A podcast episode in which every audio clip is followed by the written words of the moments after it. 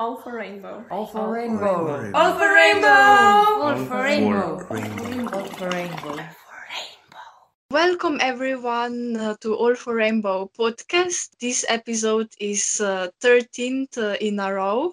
And uh, with me today, uh, I have Hannah and Verity. Hi. Hello. Hi. Hi. Hi, I'm Verity. This is what my voice sounds like. I'm Nice. Hannah. This is what my voice sounds like. Can I say who I am and like what I do? Yes, you can. So my name is Hannah St. And I'm a filmmaker and screenwriter and um, bisexual body positivity activist. I'm Verity, um, more popularly known as Verily Bitchy on YouTube. I'm um, a bi and trans activist and um, and a YouTuber. Cool, cool, cool. Um, so today's topic uh, will be uh, body positivity. Uh, and yeah, I'm very excited uh, to hear more uh, and converse, talk. um, do you would you say that you feel uh, you are uh, body positive? Absolutely. How about you? Both of you. Um, Vanity. Yeah. I, I yeah, I think I have a body positive outlook on the world and everyone's body except mine. Um, Oh no. you know but yeah i like body positivity i'm very supportive of everyone's everyone's body and everyone's beauty um but i have a lot of trouble applying that in any way to myself but other, otherwise I, I am i would consider myself a body positive person Yeah, I, I feel uh, similar as you, Verity. Uh, it's uh, very difficult sometimes. I think it uh, floats uh, in each day differently.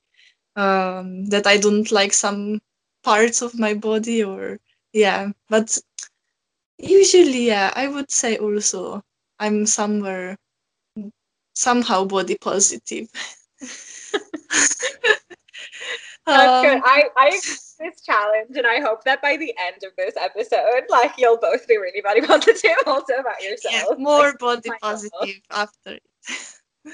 Yeah. Um, cool. Uh, Hannah, maybe I can start with you. Uh, um, when do you think what what is body positivity? When is someone body positive? Yeah, that's a great question. So I think someone is body positive when they accept um, their body the way that it is without feeling this like desperate um, need to change it. uh, I think that you know we we all kind of uh, grew up um, in this. Well, uh, we all okay. Let me do this differently. We all live in a society. Yeah, like we're all in a society. oh it's so true it's so true you really go there hannah yeah just immediately like we're in a society and i just want to say you know i'm not here you know to shame anybody. And if you and if you the two of you or anybody listening feels like you know there are some things wrong with your body i just want to say i understand i understand because you too live in a society and nobody can like walk away from that and pretend that doesn't exist. And we're bombarded with these images of like beauty standards you know? But like the joke is that beauty standards change like every 10 years and they change like also you know uh, it's important not to have a, a very let's say like western or whitewashed view of what beauty is even. Like obviously depending on different cultures different things are quote unquote beautiful. Nobody can see my quotes but i'm air quoting. I need i need the listeners to know that i am waving my hands around. Um, but yeah like so what happens at the end is that we we succumb to these beauty standards and we think we need to look a certain way and then it changes again and they're like oh my god okay now we need to look a different way. And then a few years later we're like oh my bad. Sorry about looking that way. I'm gonna look this other way real quick. Like i'm gonna change my body again. Um, and it's just exhausting and it's ridiculous. And i just want everybody to know that that's not necessary. You don't need to be doing that. Like you know and and like that that was it for me where when i discovered body positivity much like i think most people you know on instagram just seeing beautiful you know bodies and let's say like in swimming suits or in underwear bodies that you know that are chubby or fat and and seeing them just out there looking beautiful. I was like oh i didn't know we could do that. Like is that oh like in a society like that's an option that you can just like be happy with your body and be smiling while eating pizza and not be like sucking in your tummy and like you know like trying to sit up straighter and stuff. Like i didn't know that was like a thing that you could be. Um and i think that's incredible because ultimately i think body positivity is about feeling comfortable with who you are and also not judging other people for how they look because like again why would you? Like beauty standards are completely arbitrary. They don't serve anyone and ultimately like in terms of like getting stuff done and living your life it really doesn't matter does it like what anybody looks like but i think now what i'm saying is like a little bit towards the direction of of body neutrality but still still it's really important to um yeah, is it okay if maybe in this moment I just quickly explain body neutrality? Because I think it's really connected, right? Is that yes. Thank Yes. you. Sorry about that. So body neutrality is is believing that it doesn't matter what anybody looks like. And so what I like to do is I like to do a little combo, a little cocktail, you know, body positivity, body neutrality. This is how I talk to myself. I go, Hannah, you're beautiful no matter what. Everybody's beautiful no matter what. But also, even if you weren't, it doesn't matter, right? That's what I like to do. So I like to do a little combination.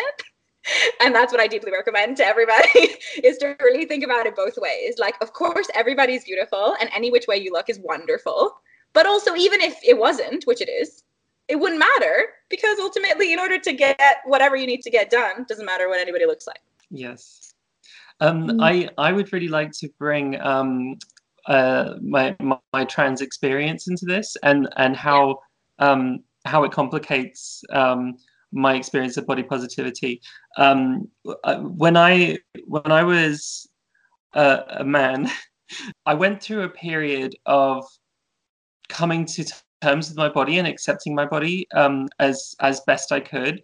Um, and it was a great experience for me uh, in the long run. Um, and I I was I became very accepting of my body, and I would wear whatever clothes I wanted to wear. Um, I was very very skinny, very very very very skinny. People like skinny to the point where people th- I I think people thought that like I had an eating disorder, but there was nothing I could do about it because I I ate I would try to put on weight and I couldn't. Um, and so I felt very ugly, and by sort of men's standards, um, depending on which, this is where being bisexual complicates it because by Mm. um, by um, I think by straight standards, um, a skinny man is a bit weird, but by gay standards, being gay, gay the gay community has its own sort of um, body image standards for for men. Um, so that was good. But then I was too, I was hairy, so I wasn't like enough of a twink, Mm. and like so that complicated but like in the straight world being hairy is more acceptable. So it was all very complicated but i learned to just kind of accept these things about myself and come to terms with myself and just be like very fuck you. And i made an effort to like if anyone posted a picture of me on facebook that I wasn't very attractive and i didn't like i would just let myself be tagged in it or maybe even tag myself in it just to like enforce for myself this idea that like it doesn't matter that I don't look hot in this, that I don't look handsome, that I don't look pretty. Um, and I actually I did a really really great job. But um, ultimately, I decided to transition and live my life as a woman. I'm a non-binary person, and I just thought, hey, let's try this. and um, so I tra- transitioned, and the way in which this has made things complicated is that transitioning. Um, a, a large part of transitioning involves um, passing, and passing isn't necessary, and passing shouldn't be necessary, but it does make life a lot easier if you pass as the gender you want to pass as.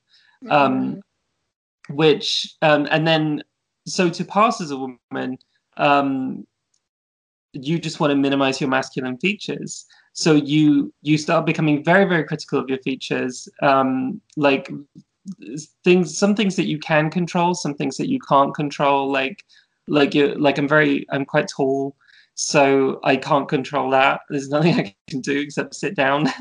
Um but and but hypothetically i could change my facial features. I could get cosmetic surgery. Um Mhm. and that would help me with passing but it would doesn't really help me with body positivity because i it took me a long time to like accept my face and see my face as beautiful but Yes. um, that was before I transitioned, and now um, there's often um, a fear of not passing, and so there's kind of a fear of of my face. There's a fear of my, my features, and if I see them in the mirror and they're not adequately hidden, um, or, or or sort of um, like made up for, like like it's okay that I don't know um, that my brow is heavy because I'm wearing glasses, so you can't really see. Um, like I, I may make exceptions, but that means when I don't have my glasses on, um, I hate my face more. And when I wear makeup, I, I, I used to wear a lot more makeup, but I realized when I was wearing a lot of makeup that I started to hate my face when I wasn't wearing makeup. Yeah. And so now I try to wear makeup pretty minimally. Um, because I don't want to hate my face. I think that's bad for me. Um, so I make an effort with that. But also, I am a YouTuber, which um, means I'm in front of a lot of light, a lot of lights, and I'm on camera um, on a regular basis, which it's not good to be makeupless in front of lights and camera um, I mean, it could be good, and maybe I should um, make an effort again to to not wear makeup. Um, but I think my skin would look shiny, and that would look unappealing. And so I have all these criticisms of um, sort of how I appear on camera that I have to deal with as well, and and all those insecurities. Like watching your your your footage and editing it is is like can be quite painful process when you feel insecure about these kinds of features. So um, what I've been struggling with and trying to manage over the last few years is how to, while having a body that I have been constantly trying to reshape into something that I think is acceptable, how do I just accept my body when it is in a state of constant transition? And and like when does the transition end? At what point is this enough? Mm. Um, you know, so that's um, that's some, something that I've really struggled with, and I've gone from a place of like body positivity, having been really helpful to accepting my body and being comfortable with myself to a place where actually now I, am I'm, I'm perpetually critical of my body. Mm. Yeah. Not to bring down the mood of the room. no, but this is the point, right? Is that, you know, it, it gets every one of us, you know. Mm. Society yeah. does, you know. The society that we live in, yeah yeah, we keep living in it. It keeps being a society.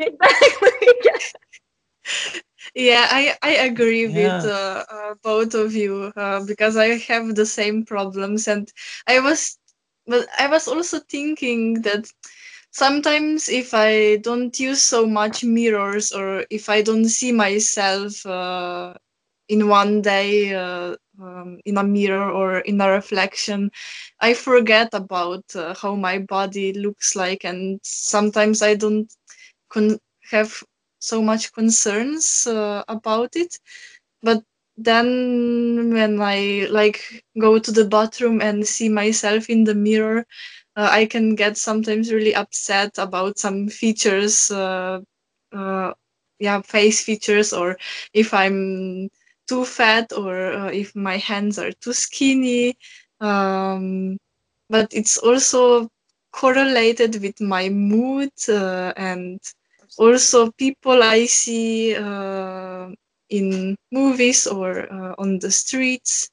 Um, and I also had one experience uh, because uh, for a long time and also now sometimes I don't like my nose and uh, there was one time when I had a friend uh, who was constantly making jokes about my nose, and uh, she was doing it uh, without um, thinking. She thought it was just funny and that I would understand it's also funny to me.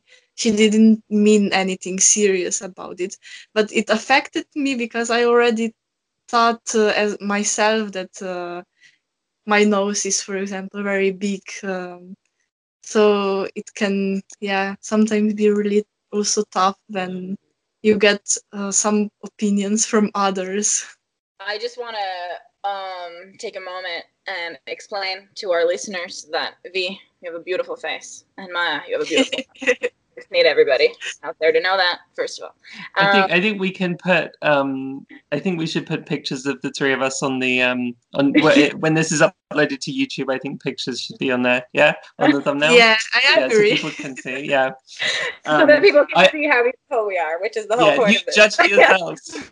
no, we don't care what you think. We don't care what you think. No, I had the big problem. Like I, my um, my high school girlfriend, my high school sweetheart, she insisted that she had like a nose fetish and and she loved big noses and she had this weird thing about like I think she was trying to make me feel good about my big nose but it just it drilled into me this idea that I hadn't had previously that I have a massive nose and no. for the next 20 years i've just had this deep insecurity about having a massive massive nose and um and i think my the the shape of my head has changed adequately that my nose is probably probably doesn't even look as big as it did when i was a teenager but it's still there in my head. And she was trying to actually help but she she did not help. Yeah, I think it's so interesting how much it can affect us sometimes when we hear so we're we all know about like negative self-talk right? So we all everybody does this uh, and you know statistically the statistics are higher for women sadly. We all talk to ourselves and say oh look at you you know you you fat piece of shit. Like how can you be looking this way or like look at your ugly hair or whatever you know? And we talk to ourselves this way in a way Yeah. that we would never talk to a friend we would never even talk to Mhm. someone we hate most likely in this way and we do it and that's why i think it's so difficult when somebody we do like or even if it's somebody we don't like doesn't matter when somebody else voices those things and you're like oh my god but that's my brain like those are like my thoughts out in the world and so it must be true. And i think that's what's really really really dangerous and i think that's why a really important part of being body positive is not just like you know kind of saying like yeah everybody looks great whatever but it's also about learning how to talk to yourself in a different way. So doing positive self-talk like like that example that you were talking about maya where you see yourself in the mirror you know like the body positive thing to say would be like looking good. Like you have a good day mirror lady you know what i mean? Like that's that's kind of the way to circumvent that i think but it's but it's legit like a legitimate process of rewiring your brain Mm. Mhm.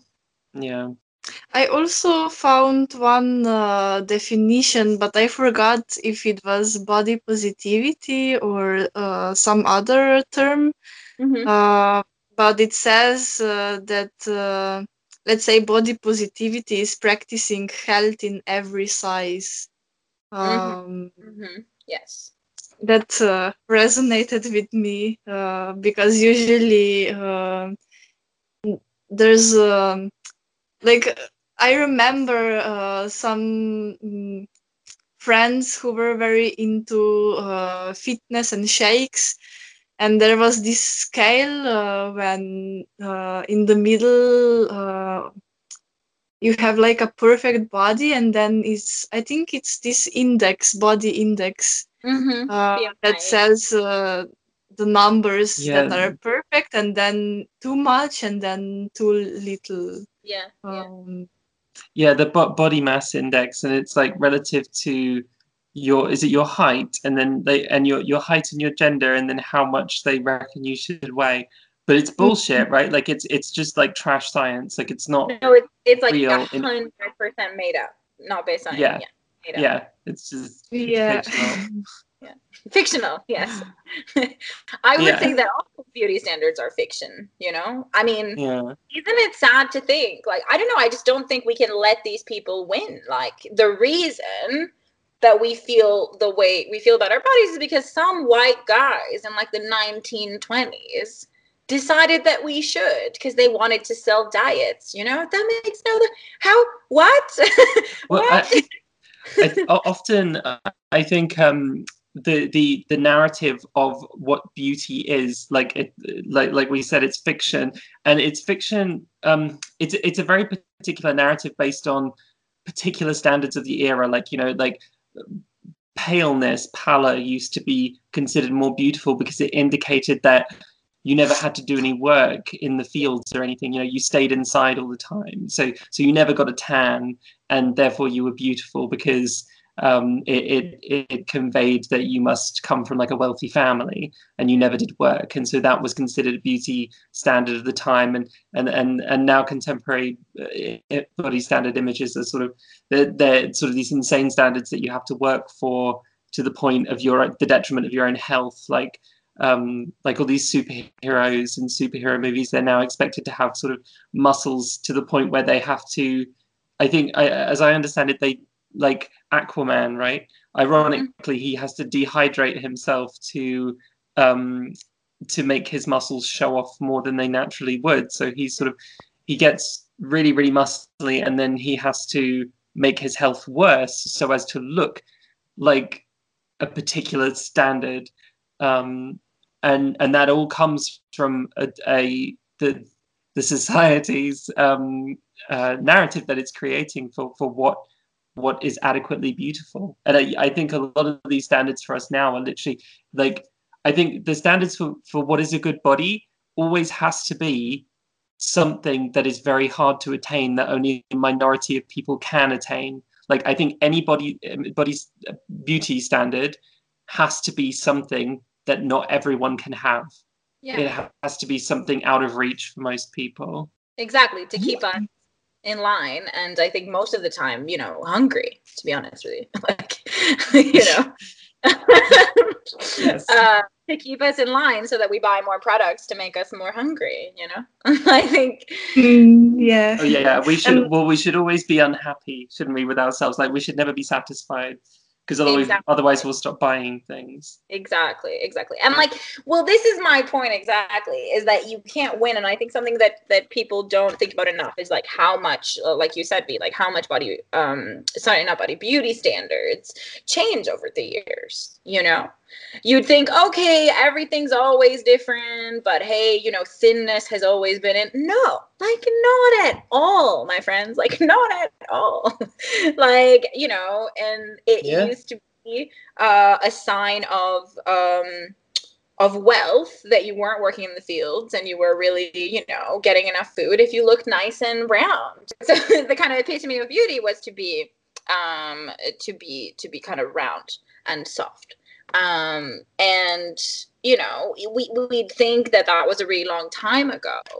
But for example even in the 1940s people were still selling uh, pills and protein bars to add again i'm air quoting people to add healthy kilograms uh, that look attractive onto people you know so we're not just talking about like some Victorian era or something. We're talking about really, really recently. We're talking about like in our grandparents' lifetimes, you know, um, that that was still something that was desirable. And even today, if we look at like where we are right now, I would say that right now the beauty standard is kind of to have really big boobs and a big butt and then like a, a, a small tummy. But but even so, that's still a lot of curves that we're actually really um like big fans of as a society and we're really like propagating. Whereas in the 90s when i was a kid it was really popular to be like a total to be really really thin. So like have like have a flat chest have a flat butt have like basically no curves. Um, and and already that you know in our lifetimes when we're quite young like i'm 27 uh, even that has like majorly changed you know? So i think even if you are chasing this ideal beauty standard it's so important to remember that like it's gonna change. and so what are we gonna do? We're gonna just like spend our lives like reading, you know, refreshing our Instagram feeds to like see what's what's sexy today. Like, you know what I mean? Like even if even within that, you can't win. And then you look at some people who 100% fit the beauty standard of today, someone like, for example, Kim Kardashian, and they're also using photoshop and they're also not posting their real photos because they also and they're also like buying follow- followers and all this because they also feel insecure. And that's the point right is even if you have the quote unquote ideal body first of all you're only going to have it for a couple years and then society is going to be like never mind change it all again and yeah. even you know even if you do change it all the time and like are 100% up to speed that's only a very whitewashed standard. And then you go to another culture and you're again going to be like not beautiful quote unquote. And so it just makes no sense. Like i feel i just feel that it doesn't it's legitimately not logical to to be chasing these standards because the the internal critic and this negative self-talk is so strong that even the people who have quote unquote achieved this level like the epitome of beauty are actually also insecure and are also using photoshop and are also like tucking their tummy in when when it's time for a picture are also using like a higher angle when it's time for a picture are also like distorting it in some way. And i think that just the fact that we feel a need to do that is really really sad. I don't know any other words for it. It just it breaks my heart. Yeah, I, I, I mean, it's a commodification of our bodies, isn't it? And Yes. I think, um, like, obviously, bodies have been commodified in various ways, particularly women's bodies, for I don't know, as long as well, all of history, really. Um, but I think the extent to which our bodies are commodified has been enhanced by by social media because and especially stuff like Instagram um, where uh, attention is currency on the internet you know? Mm. and you will you will obtain the most attention for um, for looking a particular way. So um, you have you're encouraged as much as possible to commodify your body. And and social media sites like Instagram and Facebook they want you to produce you, what you're really doing is you're producing content for their advertisers. Um, so that you're in a way you're sort of like hired for free by them to produce content for their website. Um, and the way that you're going to get the most attention and therefore help them push the most advertisements is um, by by commodifying your own body um, Absolutely. I mean, the psychology of this is really interesting. I really wish that I had like some some proper statistics for this, but I actually I just remember learning like in in high school actually and in a psychology class uh, about an experiment.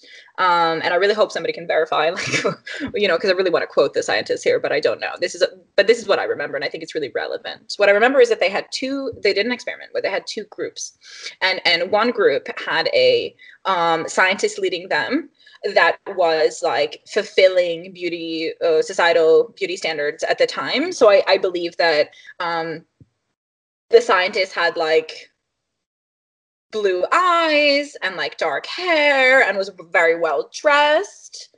And then there was another scientist who was a bit more casually dressed and a bit more like let's say quote unquote scruffy looking and kind of had like greasy hair and just like looked a little different. And so what happened in the experiment was is that the scientist that fulfilled the beauty standards of the time got people like trusted him more they engaged with him more they spent more time on the experiment um, they they got like better results whereas the other group kind of wanted to get out of there quickly they weren't really trusting they weren't like attentive as much they weren't willing to like follow as many instructions. And i think you know just like in every part of society we are complicit in that i think we have you know all of us have this inherent bias if somebody's like um fulfills beauty standards right? What people some people like to say conventionally attractive but i hate that term because like what is that? Somebody tell me what does that mean?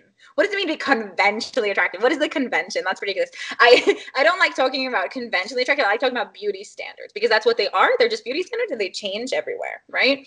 And so if someone's fulfilling beauty standards we tend to, you know, um, we tend to maybe trust them more uh, or be more interested to engage with them. And I think that's also an issue is that we kind of need to look within ourselves and, and look at our own bias because I, I have to admit that in my own dating history, for example, I have been deceived by looks before where I was like, oh, this person seems really nice. And then I was like, Hannah, but why? Why do they seem really nice? And then it's like, oh, because of what they look like, not because of what they're actually saying and the actual character that they have. And I think that's something that we really need to be like more vi- vigilant about to just like not not have yeah not judge people for for for how they look even in a positive way right which brings me to a lot of positive stereotypes about people who you know are, are very big yeah, big part of the body positive community for example fat people or chubby people um there is a certain positive stereotype that you know if if someone's fat either they need to be kind of put away and like kind of you know put put away from society you know like nobody wants to see that. You just like hang out in your just like stay in your room stay in your couch you know. God forbid you like come into the gym. We don't want to see that but like you have to go to the gym because like you have to work out more but like we can't see that right? We don't we're not ready to see that. We're not going to make workout clothes for you. We're not going to make stuff that fits you. Like we're not going to like accept you into society but still like please like you know change your body and move your body but like not in front of us right? So that's already like a total catch 22 like ridiculous situation. And i think that's one option. And the other option is to use a positive stereotype and say well you know what? Fat people are hilarious they're funny. Ha great. Or or maybe fat people are like they're really warm and loving right? And and skinny people are like a little bit bitchy right? So there what i'm saying is uh even even within that i think we have a lot of inherent biases because like god forbid you know fat people could be sexy or like intelligent or something else than like warm loving or funny right? Um or of course lazy which is another really really big stereotype. So i think that you know what what's happening here is that we're just putting like bias upon bias upon bias upon bias. And the only way to fight is to accept everyone. That's the only i, I really don't see any other way to fight. Yeah i think there probably is a distinguishable difference between when you when you meet someone and you understand that they are attractive based on particular beauty standards and when you meet someone and you're attracted to them just based on that sort of internal feeling of yes. attraction, that internal pull. Um, yeah, and it's it can be quite trippy when you meet someone who's like unbelievably beautiful, but it's the, sort of the conventional standards and not necessarily that you are like attracted to them. Yeah. Um, yeah, you bring something to that based on what you I don't know you think society sort of expects you how how society expects you to behave and your understanding of the the, the currency of their beauty. Uh, I also was thinking uh, while you were uh, talking about fashion uh, and uh, how it actually um, all the images and everything uh, they use photoshops and also um, I was reading one article uh, about um, plus size models and how uh, they, for them they use uh, additional padding just to make curves more uh, nicer. Um, so uh, it's already here. Um, you after this you get uh, the image that is not real when you see the person. Mm-hmm. Um, so people who see images uh, get not the right uh, idea of uh, yeah yeah. That's why also um, it's so difficult uh, to achieve these beauty standards and it's maybe that's why also never ending uh, goal never yeah hard to achieve. I agree. I mean i think basically you can't win you know? Like what like just whatever you do there's just really no no way to win. And i think there's a lot of this kind of thing that we tell ourselves. We're like well when i'll have this certain body then i can wear this outfit or like then i can go to this place or then i can ask this cute person out or then i can flirt with this person. And it's uh you know i think i think if any like the main message for me that I got out of body positivity is like you don't have to wait. You don't have to wait for anything to change. you can just like live your life right now and like, you know, uh, ask out whoever you want and go to any kind of party you want and wear any kind of clothing you want because nobody should be telling you, you know, how how to look or how to dress, especially not you. like we especially mm-hmm. shouldn't be doing this to ourselves. Um and i think that yeah so what you tapped into here Maya is really interesting the idea of like that that imagery most of the time isn't isn't real. And there so there are a lot of again i don't know them high but there are a lot of statistics on this and they're really really high. Again somebody check me but i'm talking about like 80% or something of imagery is not real online right? Or in articles or anywhere uh, of people right? And and that's crazy. That is a crazy high number. Uh, and again feel free to check me. Even if it's not that high it's too high. Whatever number it is it's too high.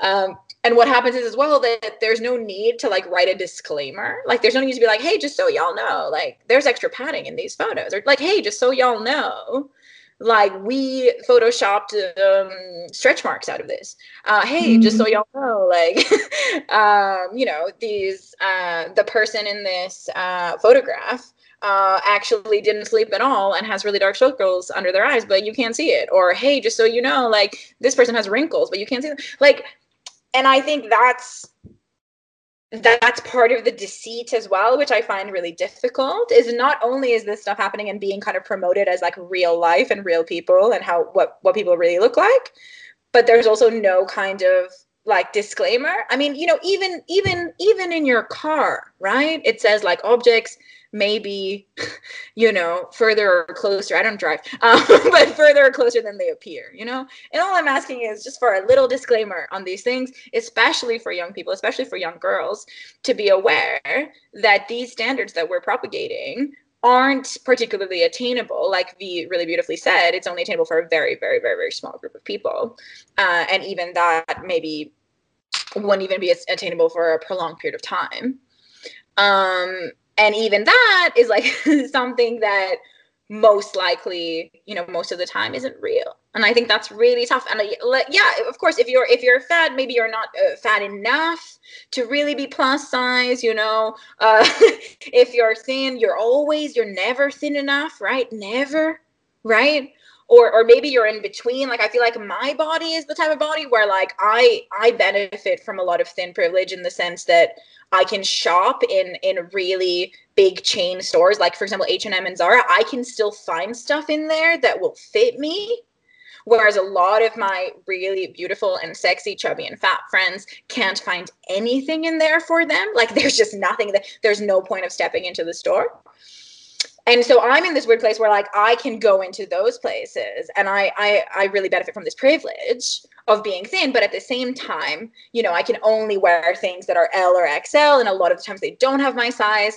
And also i i sometimes am not don't fit into the plus size category but i also you know uh, but i'm kind of at the beginning of it. Uh, and so and that's also really tough because i i for a long time when i when i first um gained a considerable amount of weight in kind of a short period of time, I really felt like I was like, where am I going to get clothes? Like, who is making stuff for me that's not just like a brown paper bag that just like sags off you, you know? Like, how can I, like, when I was thinner, I used to look so cute. I used to have all these cute dresses. Like, where can I find those things again? And it was a really big process of talking to a lot of my, like I said, my beautiful fat friends of being like, hey, like, where do y'all shop? Like, where can we go? And, and, you know, there's these very specific nooks and crannies uh, of the online community that kind of have found these places but it's not it's not like regular. It's not like you can just step into a store and, and get stuff that's going to work for you. Um, and and i'm not saying that you can if you're a thin person not at all. I think everybody has really special um, features um, that that clothing just doesn't accommodate for because clothing is always in like a very set kind of size. So there's, you know, it, it, it, there's expected you have a certain bust, a certain waist, a certain, you know what I mean? And and th- it's all from the same. Like my friend who sews, uh, she says that it's all like the same measurements that that basically every company gets. And I find that so crazy. Like, what if you have really big tits, like me, for example? What are you gonna do? You know, or what if you you have you have a really flat chest? Where are you gonna go? Like, what's up? You know, what are we gonna do? Like, we're all gonna get like seamstresses, like it's the 1800s. We're gonna have somebody dress us every morning. Do you know what I mean? Like, what are we what are we gonna do? Like, um, and I just like oh, the amount of times that I wish that I was like living with a seamstress. You wouldn't believe. Um, but I'm saying I, I feel like we're kind of going back in time, where like now we need to learn how to sew and we need to like go back to really kind of archaic ways of of uh, of dealing with this because nobody really fits into um, these body standards, and it's hard to kind of find a place um, I don't just mean in society, but I also mean in, in the fashion industry to find a place that would kind of accommodate everybody and every size. Like for example, I have a friend Yeah. who's really tall and she's she's a woman and she she finds it so difficult, so difficult to find clothes. It's such a process every time, you know? Like how is this normal? How are we just what what what is the fashion industry thinking? You're thinking everybody's the same weight and the same height? What? Like that doesn't make sense. Like just step onto the street right now.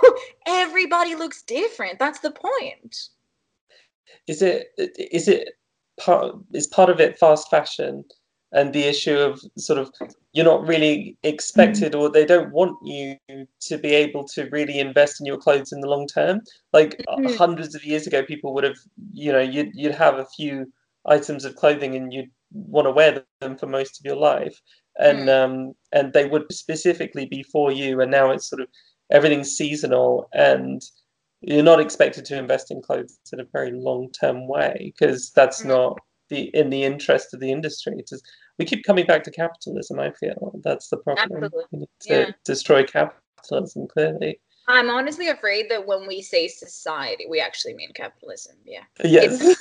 and also you're totally right that that this is about commodification like you said b like what i mean by that is that people decided they're going to make money off these insecurities right so people decided they're going to sell diet pills and they're going to sell you know clothing that's inherently like not well fitting or not comfortable or not you know not possible to wear over a prolonged period of time and so on you know? Like just think about like the Yeah. concept of heels you know? What's going on you know?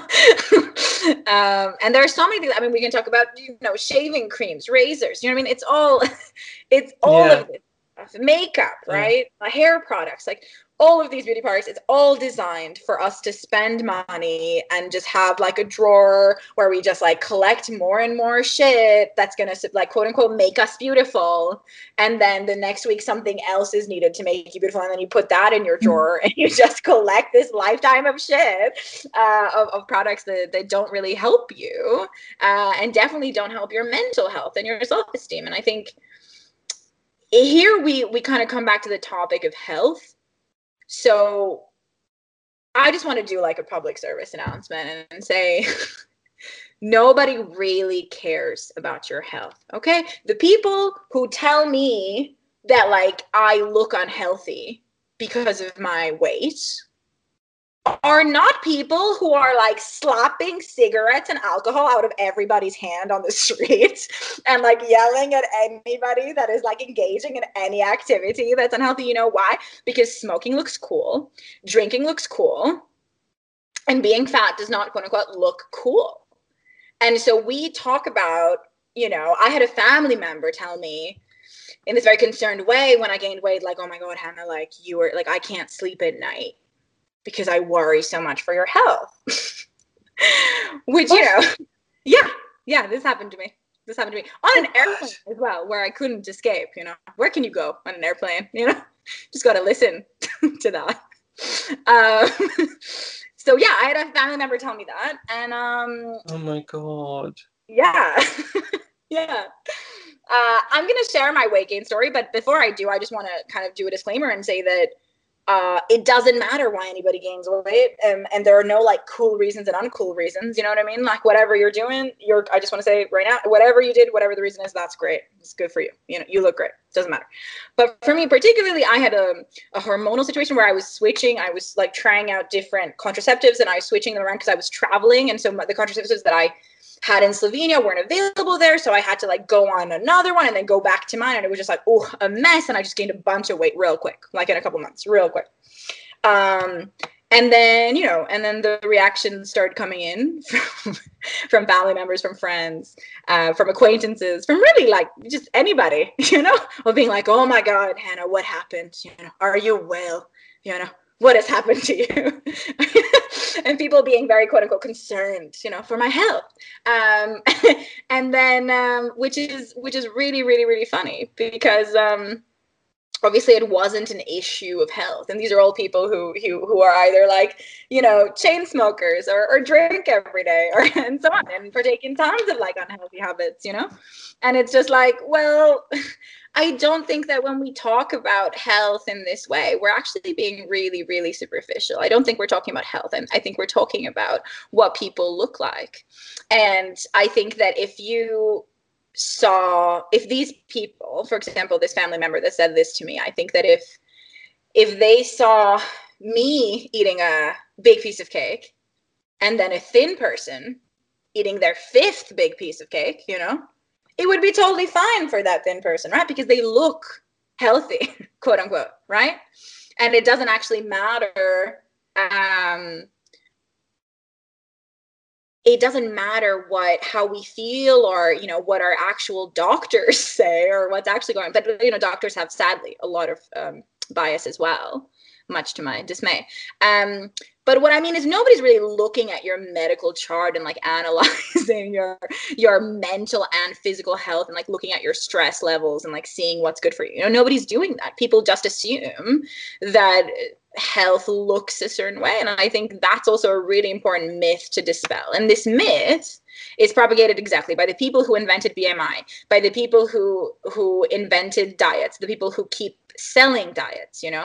Um, I just want to say that there's this app going around right now called Noom. I don't know if um, if y'all have heard of it. It's on it's on Instagram mostly, and their whole um, pitch is like we're not a diet. We just help you like eat and then lose weight. it's like, um, that's a diet. that's what a diet is. like, um, any sort of anybody that's promoting restrictive eating or restricting what you eat in any way, that's a diet, my friends. Okay, you don't need to be doing that. If you you need to do what's right for you, and and nobody and like this is this was a really tough thing for me to accept that nobody really cares about your health. People care about looking healthy. Like I could, you know, Mm. I like not sleep for a month, right? And just put on some nice makeup and look thin, and everybody would be like, "Oh my god, you look amazing," right? Nobody would be like, "Hey, Mm. you're not getting enough sleep." You know, nobody cares about that. Not really. Well, I had uh, a bit uh, similar but opposite. Uh, my uh, grandma uh, was always uh, saying when she saw me uh, that uh, if I'm eating enough, that I'm living very unhealthy lifestyle. Uh, that she uh, sees that I uh, my clothes are mm, too uh, big and I'm getting skinnier and I should eat more. Uh, so I I feel uh, yeah this uh, struggle. Yeah, just Um, quick PSA. You know, Yeah. never tell anybody what to eat ever in any things. Thank you. That is all. Just never tell anybody what to eat. so Yeah. much in any direction. I um I had when I was very skinny, uh, I had a family member who would always make fun of my weight for being too skinny and how that looked on my body. And as soon as I gained weight, there was no moment where my weight became good to that person, Of course. but at some point it suddenly became very bad. And it was like, now you're too fat. Um, mm, so I went from, and I think really it's just, I don't know, I think I have a funny, my body is, I don't know, I don't think I could ever look the way that anyone, man or woman, is like supposed to look. Just the shape of my body is the shape of my body. It's particular to me. So, like, I look unacceptable when I'm skinny. I look unacceptable when I put on weight, and it's just it, it's across the board unacceptable. But um, yeah, so that's fun knowing that that you just can't win ever. It's yeah. Yeah, you can't win, but what's really liberating about that is that you don't need to try you don't need to try anymore. You don't need to try to win because you can't. So you can just like live your life and, you know, put on a swimsuit and go swimming, you know, have fun. you know, I mean that's Yeah. you know, it's you, we don't Yeah, but do then ugh, I, I my my partner and I were um at the beach way back in when was it 2019 when, like when it was acceptable to do such things um we, we were at the beach and um we both had hairy legs, and some Mhm. girls walked past us and pointed and laughed at us.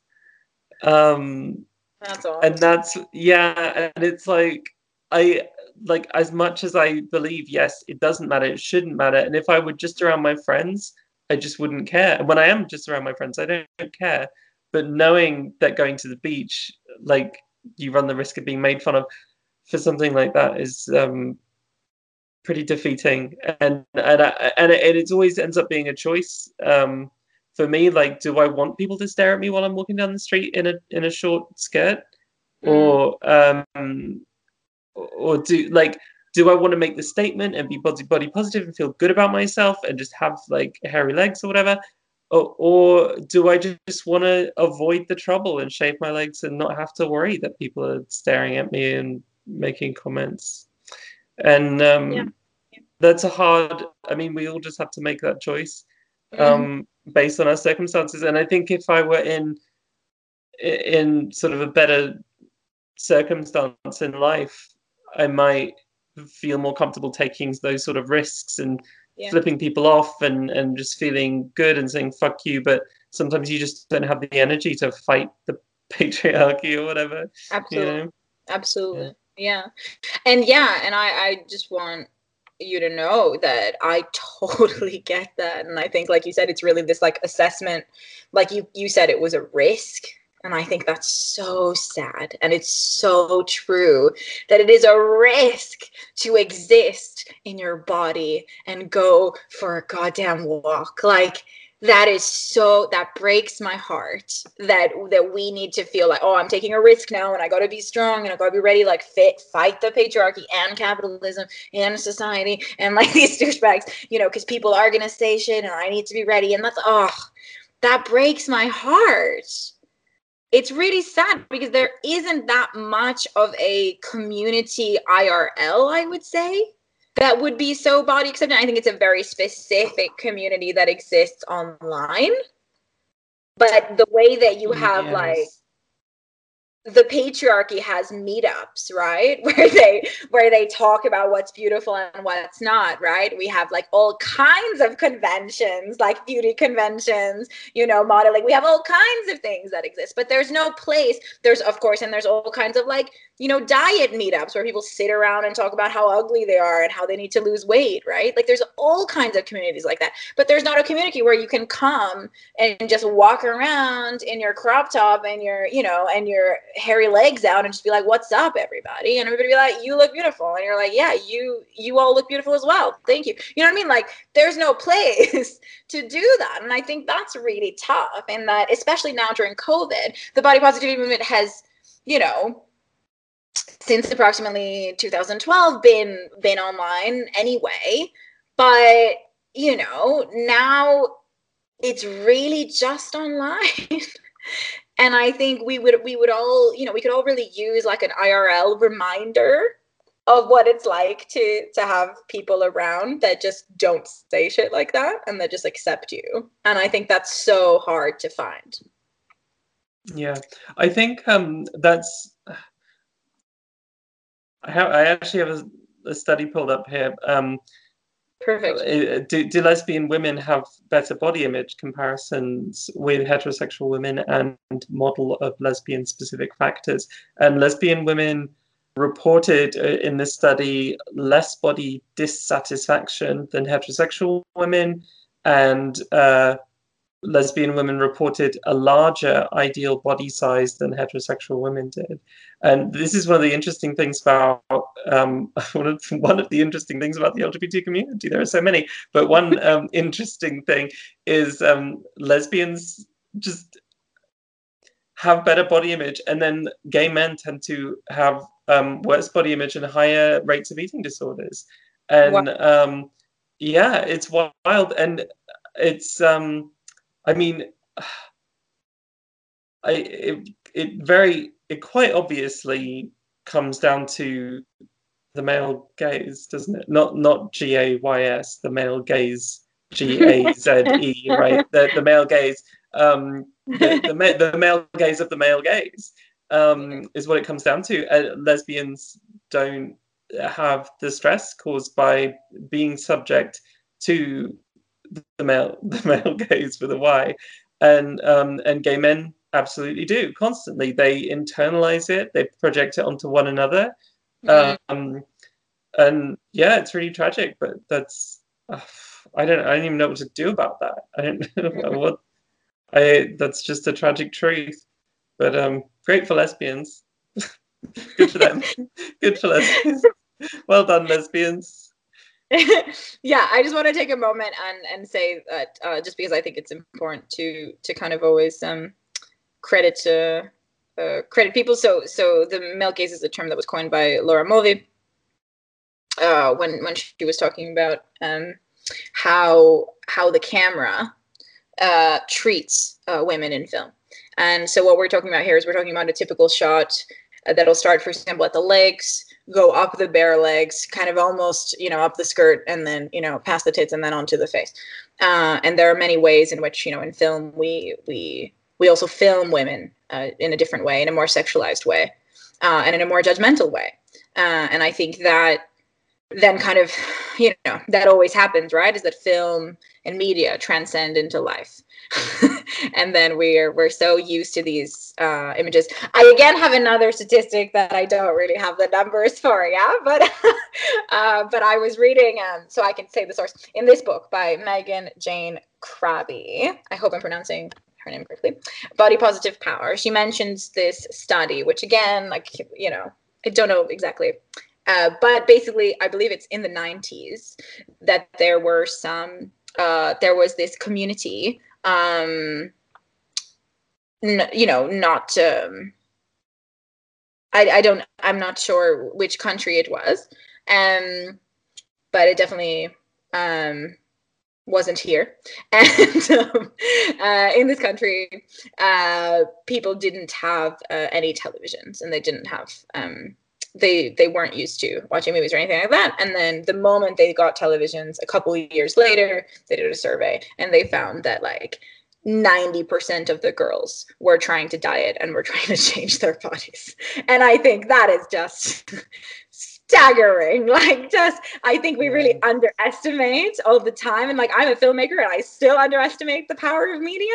I don't know if there's anything in this world more powerful to be honest in terms of like how it teaches us to view ourselves.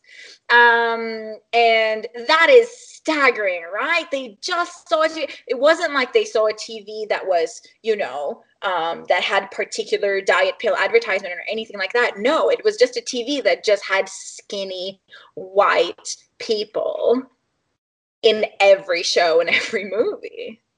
And they were like, oh, there must be something wrong with how I look if I don't look that way. And what can I do to then to then look that way?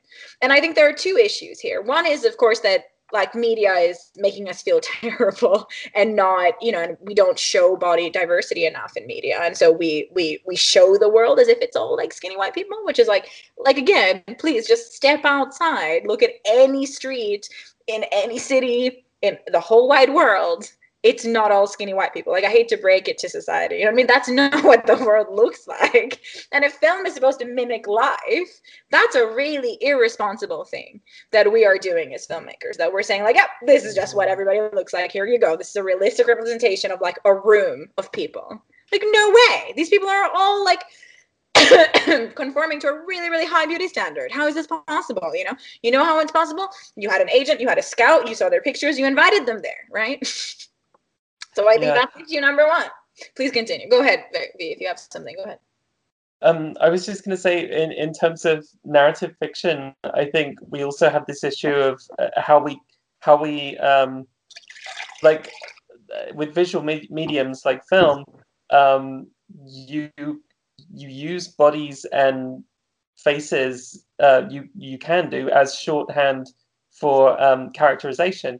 So if you want to convey that someone is evil, um, hire someone who's ugly and has a frown like has like a perpetual like frown or whatever and like um and and that that's giving you shorthand for like don't trust this character this is a nasty character Mhm. um as as one example. And so like we we tend to i think cast characters based on how we perceive that actor's features and whether or not they can convey easily whether or not the audience is meant to like the character, whether they're trustworthy, whether they're supposed to be beautiful, um, and that reinforces how how we perceive those people, um, how we perceive people who are not well, who who who we decide is beautiful, who we decide is good, and who we decide is trustworthy. Yeah, uh, it's very difficult when people are attracted to different uh, body types uh, to re- really set what is beautiful and what is attractive. Uh,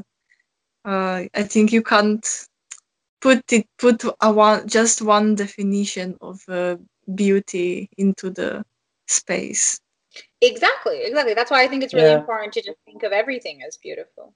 I, I sometimes feel like with body positivity that I see on the internet, um, like where, when when someone someone is trying to sort of do like fat positivity, and they'll have someone who is very fat, but they will still live up to a particular standard of beauty. You know, like Yeah. it can't be any fat person. It needs to be a fat person who has the face of a model, and their Yes. fatness is acceptable. Um, Yes.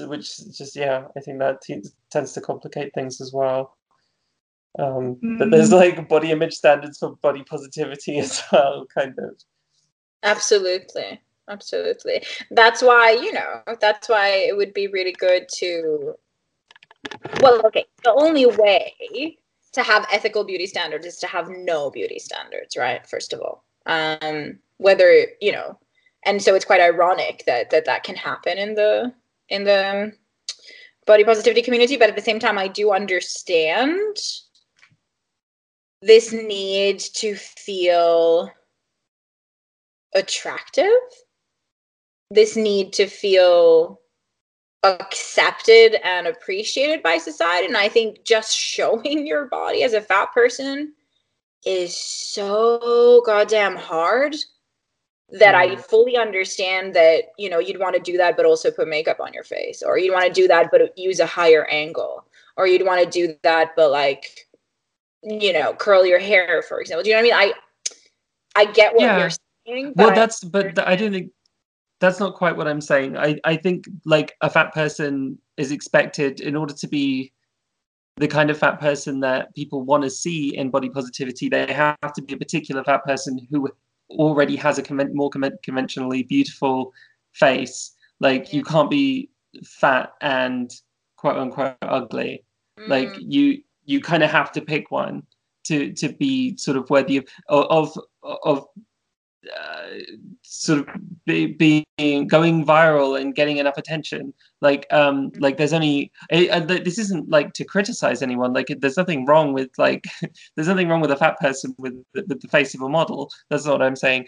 Um but um where the attention where we bring attention to um to people with diverse bodies it's usually when there are sort of minimal exceptions happening so so you can be fat but like you can only have a particular kind of face that most fat people won't have did you, does that make does that make sense yeah Mm-hmm. Yeah. Okay. Yeah, and it, it's not like, I- and it's not to criticize anyone who is uploading their, their pictures and, and showing themselves off.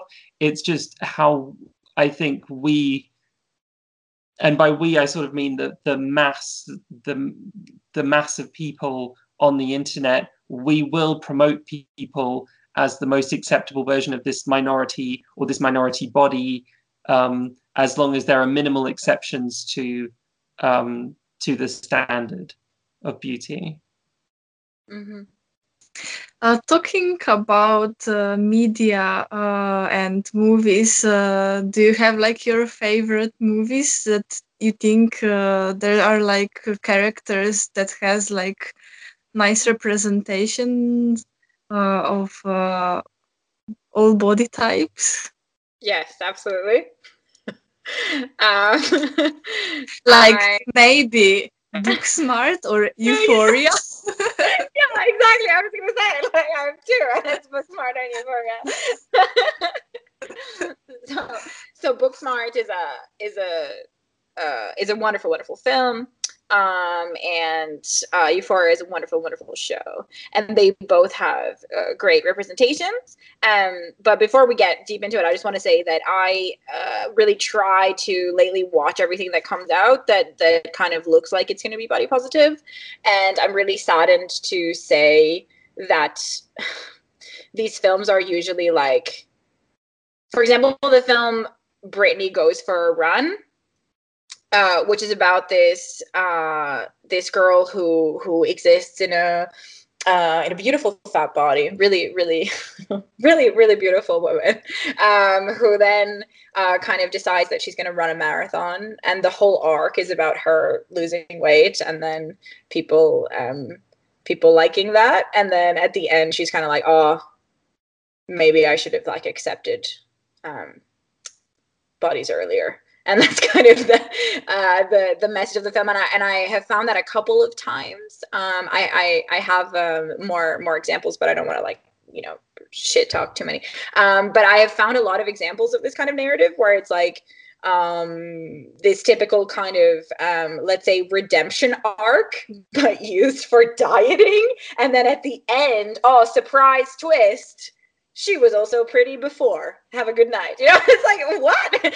like, uh, you know, body positivity being kind of used as like a twist or like a surprise ending or like a uh, a little a little bit of character development at the end. And i understand that. Like of course body positive uh, body, positivity in the real world as a person can be like uh, a way that you develop your own character and the way that you eventually over years and years of positive self-talk uh, finally accept yourself. And i get that. But it's like then why did we teach people for like an hour and a half that all of this stuff was good and that you know it was really good that she was dieting and she was getting rewarded for it and everything was amazing and then oh okay actually you know what like i was fine before too yeah you know like that's i don't i don't think that's really body positive and i think we need to really ask ourselves what kind of message we're sending.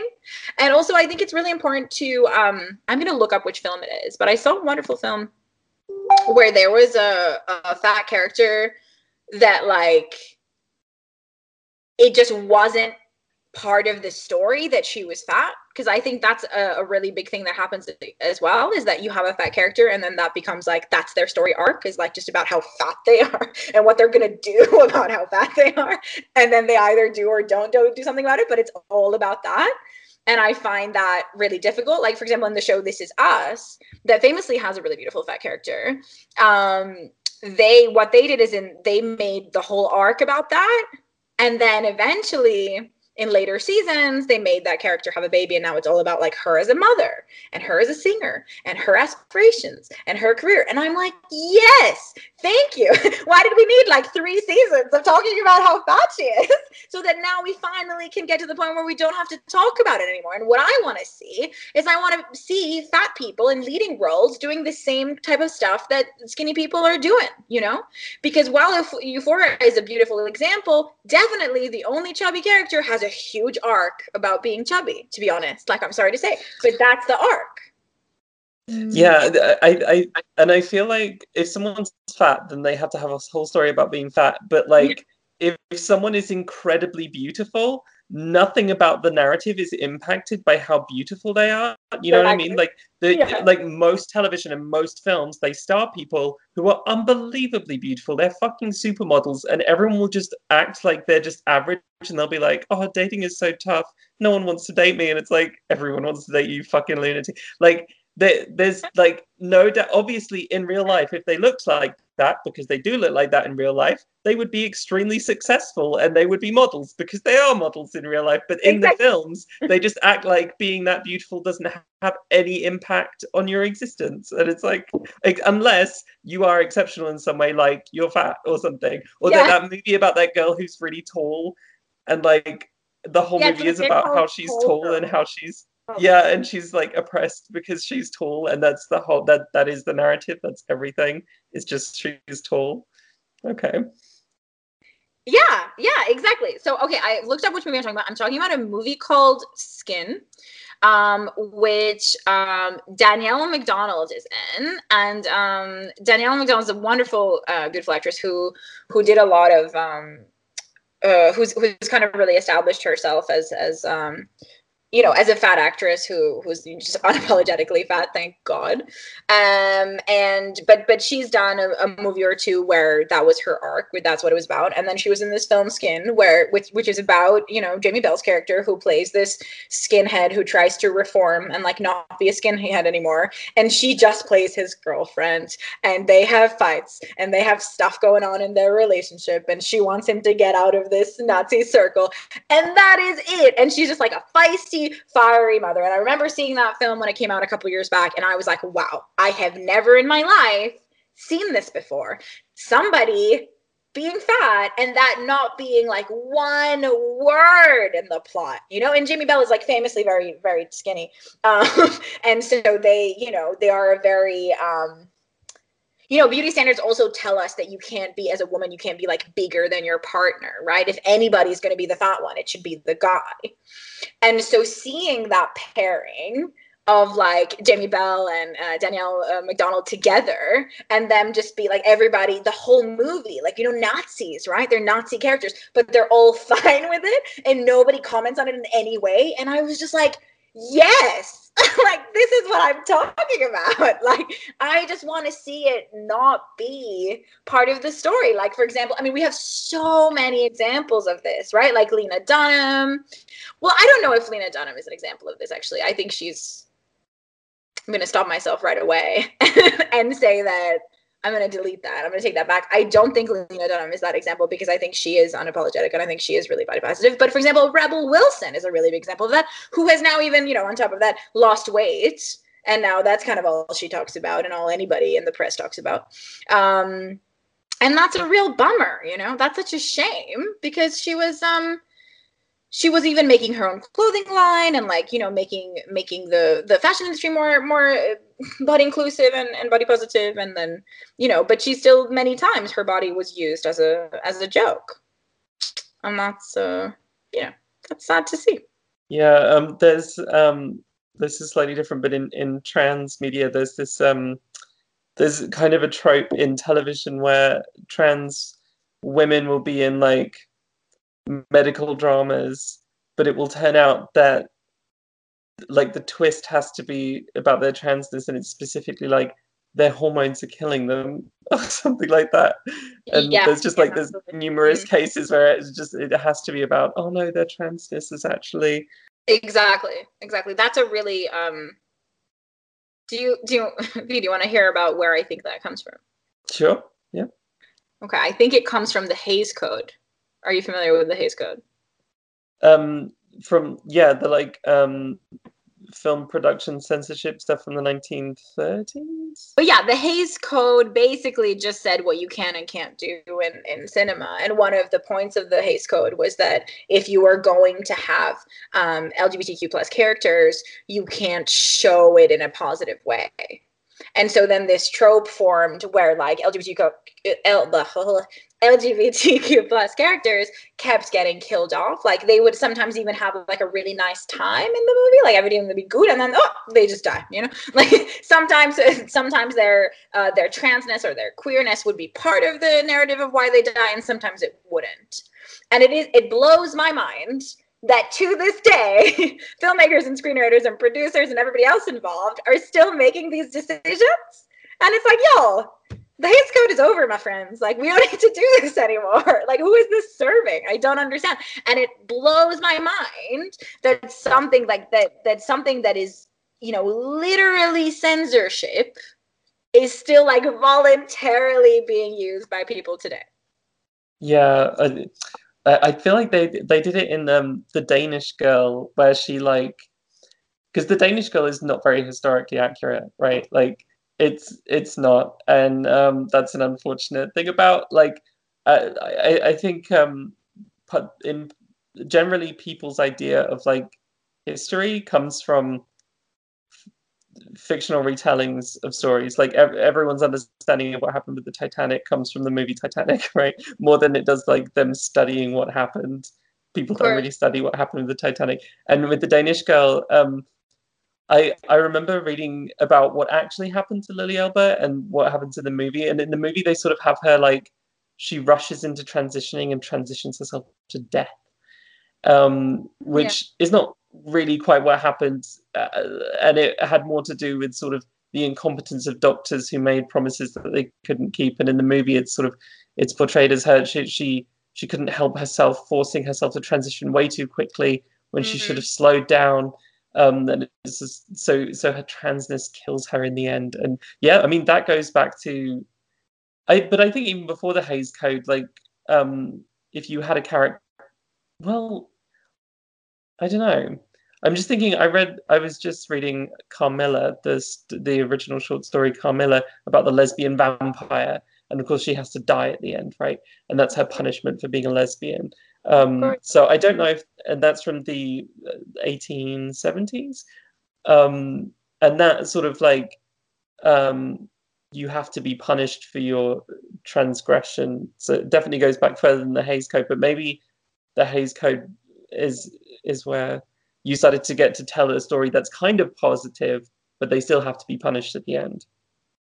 yeah Um, i wish i i wish uh, like uh you know the history of literature was a little bit more my sector but i can say that film is my sector and i can say that in the 1920s when film originated you know nobody was worrying about that. You had lots of um you you had lots of cross-dressing you had lots of trans characters you had lesbian characters you had gay characters. It was all beautiful you know?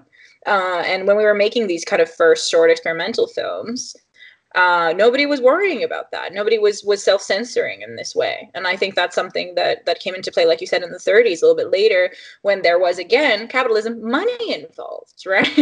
when there was money involved, and and you know. Um, producers like Hays were, were starting to think about what's going to sell tickets and what's going to get butts in seats. And again, a bunch of white guy white guys decided that LGBTQ plus characters were not going to be those things uh, that would make money, which which even you know in itself is uh, a fallacy. You know, even that's wrong, right? Like LGBTQ plus movies sell, and they sell very well. like, um, Yeah.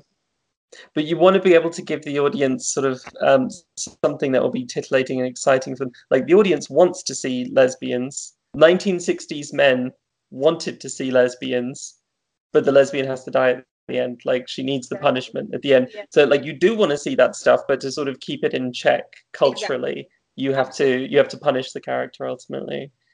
Yeah. I'm really glad you you mentioned the Danish girl. That was really deeply disappointing. I remember. I I remember very vivid that uh uh at the end I just like start I just like stormed out and I was like I couldn't stop talking about this for like a week and I was just like yelling at everybody about this. Um, but I, I don't think we need to look as far as um as Hollywood to to see examples of this. We have you know we have many examples of this um in our own industry, which is all I'm gonna say. That's as much as I'll say about that. But uh, uh but you know nobody is safe is my point. I would maybe also mention um, uh, in previous uh, episode with V and Ella, we talked about She-Ra, Mhm. uh, and this is maybe also one of the TV shows where uh, different body types are portrayed, and um, there is no attention to their bodies, uh, and that's also nice, like for Yeah. people, children, to see. yeah. Yeah, kids need to see that. Yeah, I really like that. Mm, and Episodes, but I like that too. Yeah, that's really cool. mm, Wish more people did that. I also wanted to add before when we you were talking about uh, uh, body hair uh, that I had uh, similar um, situations and feelings, uh, and now uh, when I am volunteering here um, in Netherlands, and uh, when we are like hanging out, and uh, if uh, I wear like um, trousers where you can see like a bit uh, of uh, hairy legs, uh, I'm like uh, feeling very brave and at the same time very afraid what people will thought about when they will see my legs. So Yeah. I feel it. And Yeah, I I still during- haven't gotten to the beach, uh, so that's Yeah. still one of the things I have to do. yeah, the beach is a really good goal to have. Yeah. So uh, a- another question I have uh, is uh, the topic about diet cultures. What do you feel about it? Um, because I uh, I also read one article about how some people are uh, shaming uh, people who goes on a diet, and uh, also that uh, people feel the need to go on diets. hmm hmm Well, I'm so I'm so glad you asked. You know, what a great question. um, uh, thank you. Um, well, okay. So the diet industry, you know, when we talk about uh, society and we talk about capitalism, we're also mostly talking about the diet industry, um, and we're talking about people who decided to uh, commodify the fact that you feel bad about yourself by telling you you need to lose weight. Um, and again, you know, um, you can never. I feel like you can never be uh, thin enough. You know, I I also I used to live in a much skinnier body than I do now, and even then, people were always telling me to lose weight. My whole life, people have been telling me to lose weight because since puberty, I've had big tits, and I think that that's something that looks kind of can look chubby even when my my tummy was small and my face was you know not not round and stuff like that. Uh, well my face was always round. I'm not talking about like changing my bone structure excuse me. I just mean like i didn't have this like chubby face that i do now. And so um i'll give an example of this. I was talking to a friend one time and i said uh you know what? I'm going to the hairdressers and my face looks a little different. It's much rounder now because i've gained some weight this was like after coming uh, after traveling and after coming back home uh, when lockdown was starting. So this person had not seen me in like a year. And so i was like just so you know i look a little different. And like i'm just wondering because because this friend of mine also had a chubby face. And i was just wondering what what do you think is like the best hairstyle you know for my face right? Um and i was thinking like i was thinking i should get these framing bits on the side of my face to look um i think that would look really pretty and they could like, like sit on my uh chubby cheeks, you know, and that would look really cute, right? Uh, and then she said to me, she goes, "Well, you know, I bet it's all those cakes that you're posted on Instagram, and I bet it's." And I was like, "Well, that that really wasn't the question, right? I'm not like confused as to as to why I look the way I look. First of all, second of all, it's not the cake; it's the hormones, none of your business. Do you know what I mean? Like, um and and i think that's that's a really good representation of, of where we're at as a society. This kind of idea that if you just mention your weight someone's gonna come in and want to talk to you about dieting and want to talk to you about why you are the way you are. oh just eat less cake and like you can and then you won't have to worry about your haircut. And it's like that's not even connected need to cut my hair anyway i'm just wondering about what you think would look cute on me and so and so I find that really tough. I think most people who tell anybody to diet are insecure about their own weight, which is really sad. I think I don't have a statistic for this, but this is just my observation that anybody who talks to me about my weight are people who either weigh have a similar weight to me or are people who have struggled with eating disorders and body image their whole lives. Like legit. legit. Like it's so so so so so correlated. It's so correlated. And so um, I think a big fallacy with with dieting is this idea that it works. I just want to explain right now, maybe even to to well, of course to our listeners, but also maybe to you too, if if you may not be aware, because it's something that I think is not spoken about enough. But diets don't work. If your goal is to lose weight, don't go on a diet. Um, if you diet, again, somebody check my stats, but I, I believe it's 95% of the time, five years later, you will weigh more than when you started the diet. Because what happened is your body is like, oh, we're starving now. this is like starvation. we are hungry all the time. We must be in some desert where there's no food or water. So we're going to start storing fat reserves and we're going to start freaking out and and we're going to start feeling like disoriented and dizzy and strange all the time because we're hungry all the time. And so there is a certain amount of time that you can keep this up but eventually your body will your your mind will send you signals to binge And so you'll start craving the most caloric things in the universe. You'll be just like dreaming about like pizza on top of a burger on like three slices of cheese, on top of like a chicken, on top of like, you know, three piles of ice cream. And so, uh, wow, what a great image. Um, and so what'll happen is you you can be like quote unquote strong. And by the way, like starvation is not strength. Just want to put that out there. Um, but you can really like kind of like be really adamant about sticking to your diet and not do that for a certain amount of time um, maybe even a couple of years but you definitely can't maintain it for for an entire lifetime. It's just not possible. Your brain is going to keep sending you these signals to eat food that's high in calories because you're hungry. And so most likely what you'll do is you'll do a, a cycle of restricting and binging. So most likely what you'll do is you'll restrict as because that's what the diet says so first you restrict because oh the diet says I can't eat this. This is okay, cool. And then your brain is like, please eat those things that you're not allowed to eat because we're we're used to having like a balanced diet of different foods, and this is what we're used to, and like we don't want to feel like we're starving. Uh, and then you're like, no, I'm not going to do that because society wants me to look different, so I'm going to starve.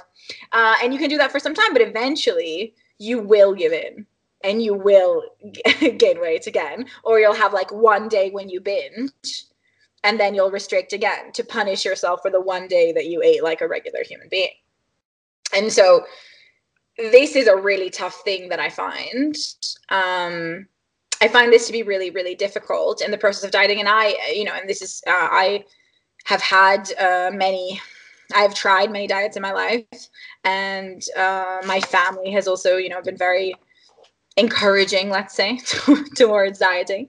Um, and if you if you don't know that there's an alternative if you don't know that it's an option to to love your body and to accept yourself i don't think that you uh, even consider any other option besides just being stuck in this cycle of binging and restricting. And and there are people and there are members of my my own family that have been in this cycle legitimately their entire lives um, because that's how it's designed.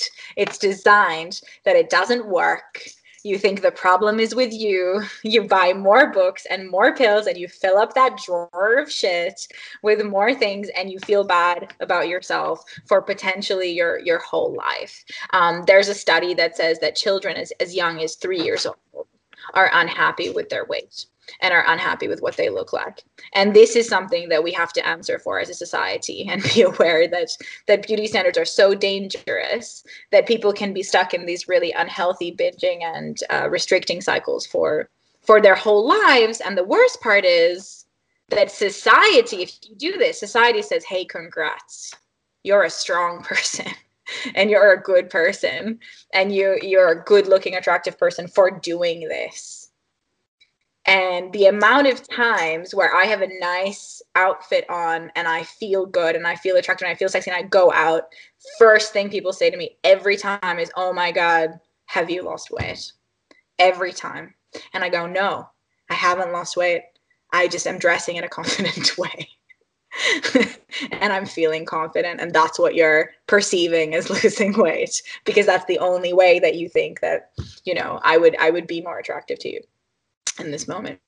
Mm-hmm. Um, so yeah, sorry. Bottom line, dieting doesn't work. Um, it's not necessary to do. I wouldn't shame someone for for dieting. I just uh, it, it would just make me sad to see that, uh, and it makes me sad when I see my friends or my family doing that because I just know that it doesn't work. You know, I just don't understand. You know, just like logic logically, um, it just doesn't make sense to participate in something that's inherently designed to fail. Mm.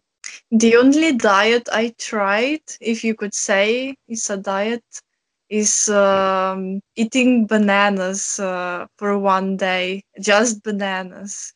That's uh, definitely a diet. Yeah, absolutely. but what happened uh, in uh, the evening was that I went uh, to one uh, swing dance evening where they had a table full of sweets Mm-hmm. And I forgot that I'm on a diet and I started eating and then I remembered, hmm, I have to eat bananas. yeah, I failed. yeah, I'm really glad you shared this story because yeah, that's exactly my point is that you didn't fail. That that diet is insane. Eating just bananas isn't gonna work for anybody. And like every diet is insane. You know, there are some diets that are more um, dangerous than others, like for example, keto. Um, but uh, you know, um, it depends. Uh, some are some are a little less unhealthy, uh, but all of them are unhealthy, and and none of them consider your your mental health and your um your your mental well being in any way. Uh, and I think that again, uh, not only is there a stigma around um, mental health, but there's also like a blatant amount of just like ignoring mental health and just like ignoring how people are supposed to feel about this. Like, how I'm sorry, but how awful is it that you come to a nice swing evening, potentially do some nice dancing, you move your body in a fun way, you see these beautiful sweets and you can't have any? How that's tragic, right? That also, I'm saying this like the hundredth time I'm saying this today, but this also breaks my heart, you know? Why would you not be able to like have some nice sweets on this nice table? Like, why? like, it's just really sad. And it brings me to my next point, which is that we have this really unnecessary war on sugar, right? And we, we like mm-hmm. It to like smoking or alcohol or drugs, right? And it's like, yeah, I understand. Like, I totally support um, kind of taking a moment and and you know um, making some making some. I don't want to say healthy because I don't think because I think you know these standards of, of, of health are a little bit ridiculous but let's say making a different choice perhaps having a salad for lunch instead of a cake for sure like that no yeah of course that's wonderful like go you you know? Good for you. But this idea of having this war on sugar and being like oh having like dessert is like the worst thing that you can do. And it means that you have like no control. And and you're like a lazy person. You give in to every insane impulse. Like excuse me our cells need sugar to live okay like sugar is not poison? It gives you energy. What does smoking give you? Nothing. No nutritional value right? Like i i remember this very vividly. I was talking to a friend one time who was a professional diver and i had a box of brownies uh, in front of me and it was quite big and they wouldn't fit in my bag and i was like oh i really don't know where to put these. And he legit looked me straight in the eyes and he said to me oh just put them in the trash because they're trash anyway. And i was like what mm, what do you mean? And he was straight up just like well you know sugar has no nutritional value. So just put it in the trash. It won't do anything good for your body. And that really blew my mind because like um that's not true. Like somebody needs to check their facts uh, and i understand like i appreciate people like for example jamie oliver like you know um putting like healthy snacks into schools and and being careful that you know all, sugary drinks isn't all that uh, kids eat. I understand that totally, totally. But but having this war on sugar and saying that you know just the act of like having a box of brownies near you is like some sort of sin god forbid eating some of them i think is really really really ridiculous and i think we need to remind ourselves that we also need sugar to live and ourselves like it and it gives us energy so somebody explain to me why not Agreed. Yes. Yeah, I ate a whole bar of chocolate before this, and I'm proud. you should be proud exactly that's a wonderful attitude to have i had a really nice tiramisu before this Nice. Mm, it was nice. Let's just talk about like all the sweets we like. this, is, this is my favorite podcast. like, let's just talk about dessert.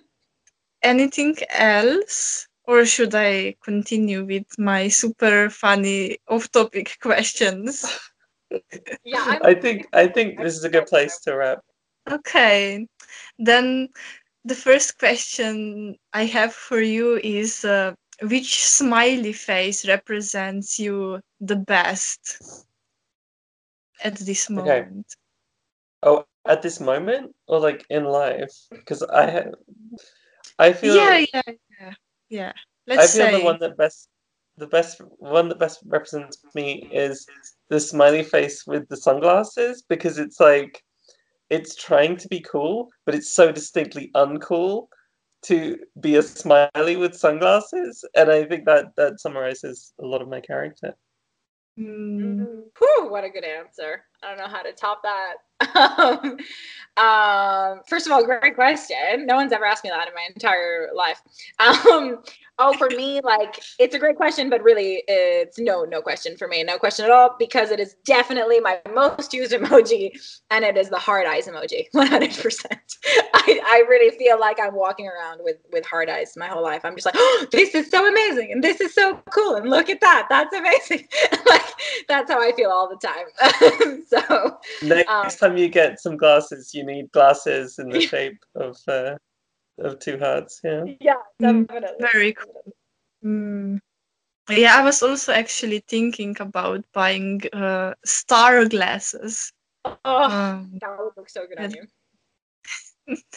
uh, and um, I would say my em- emoji is uh, the one with uh, the cheeks, with red cheeks, Yeah. uh, because that's how, it, yeah, I I feel uh, when I'm sending the message, and I'm smiling at the end. So nice. Mm, cool. Um, so uh, besides uh, smileys, um, I want to transfer your minds to the fruit and vegetables. Um, which fruit or vegetable would you like to be? Let's say now. right now. That's fair. Let me think about that. V, do you want to go first? I think I'd like to be a grape because um, if I don't want to be like chopped up, if someone's gonna eat me, I just want them to go ahead and eat me whole.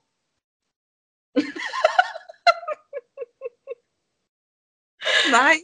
Incredible. Incredible.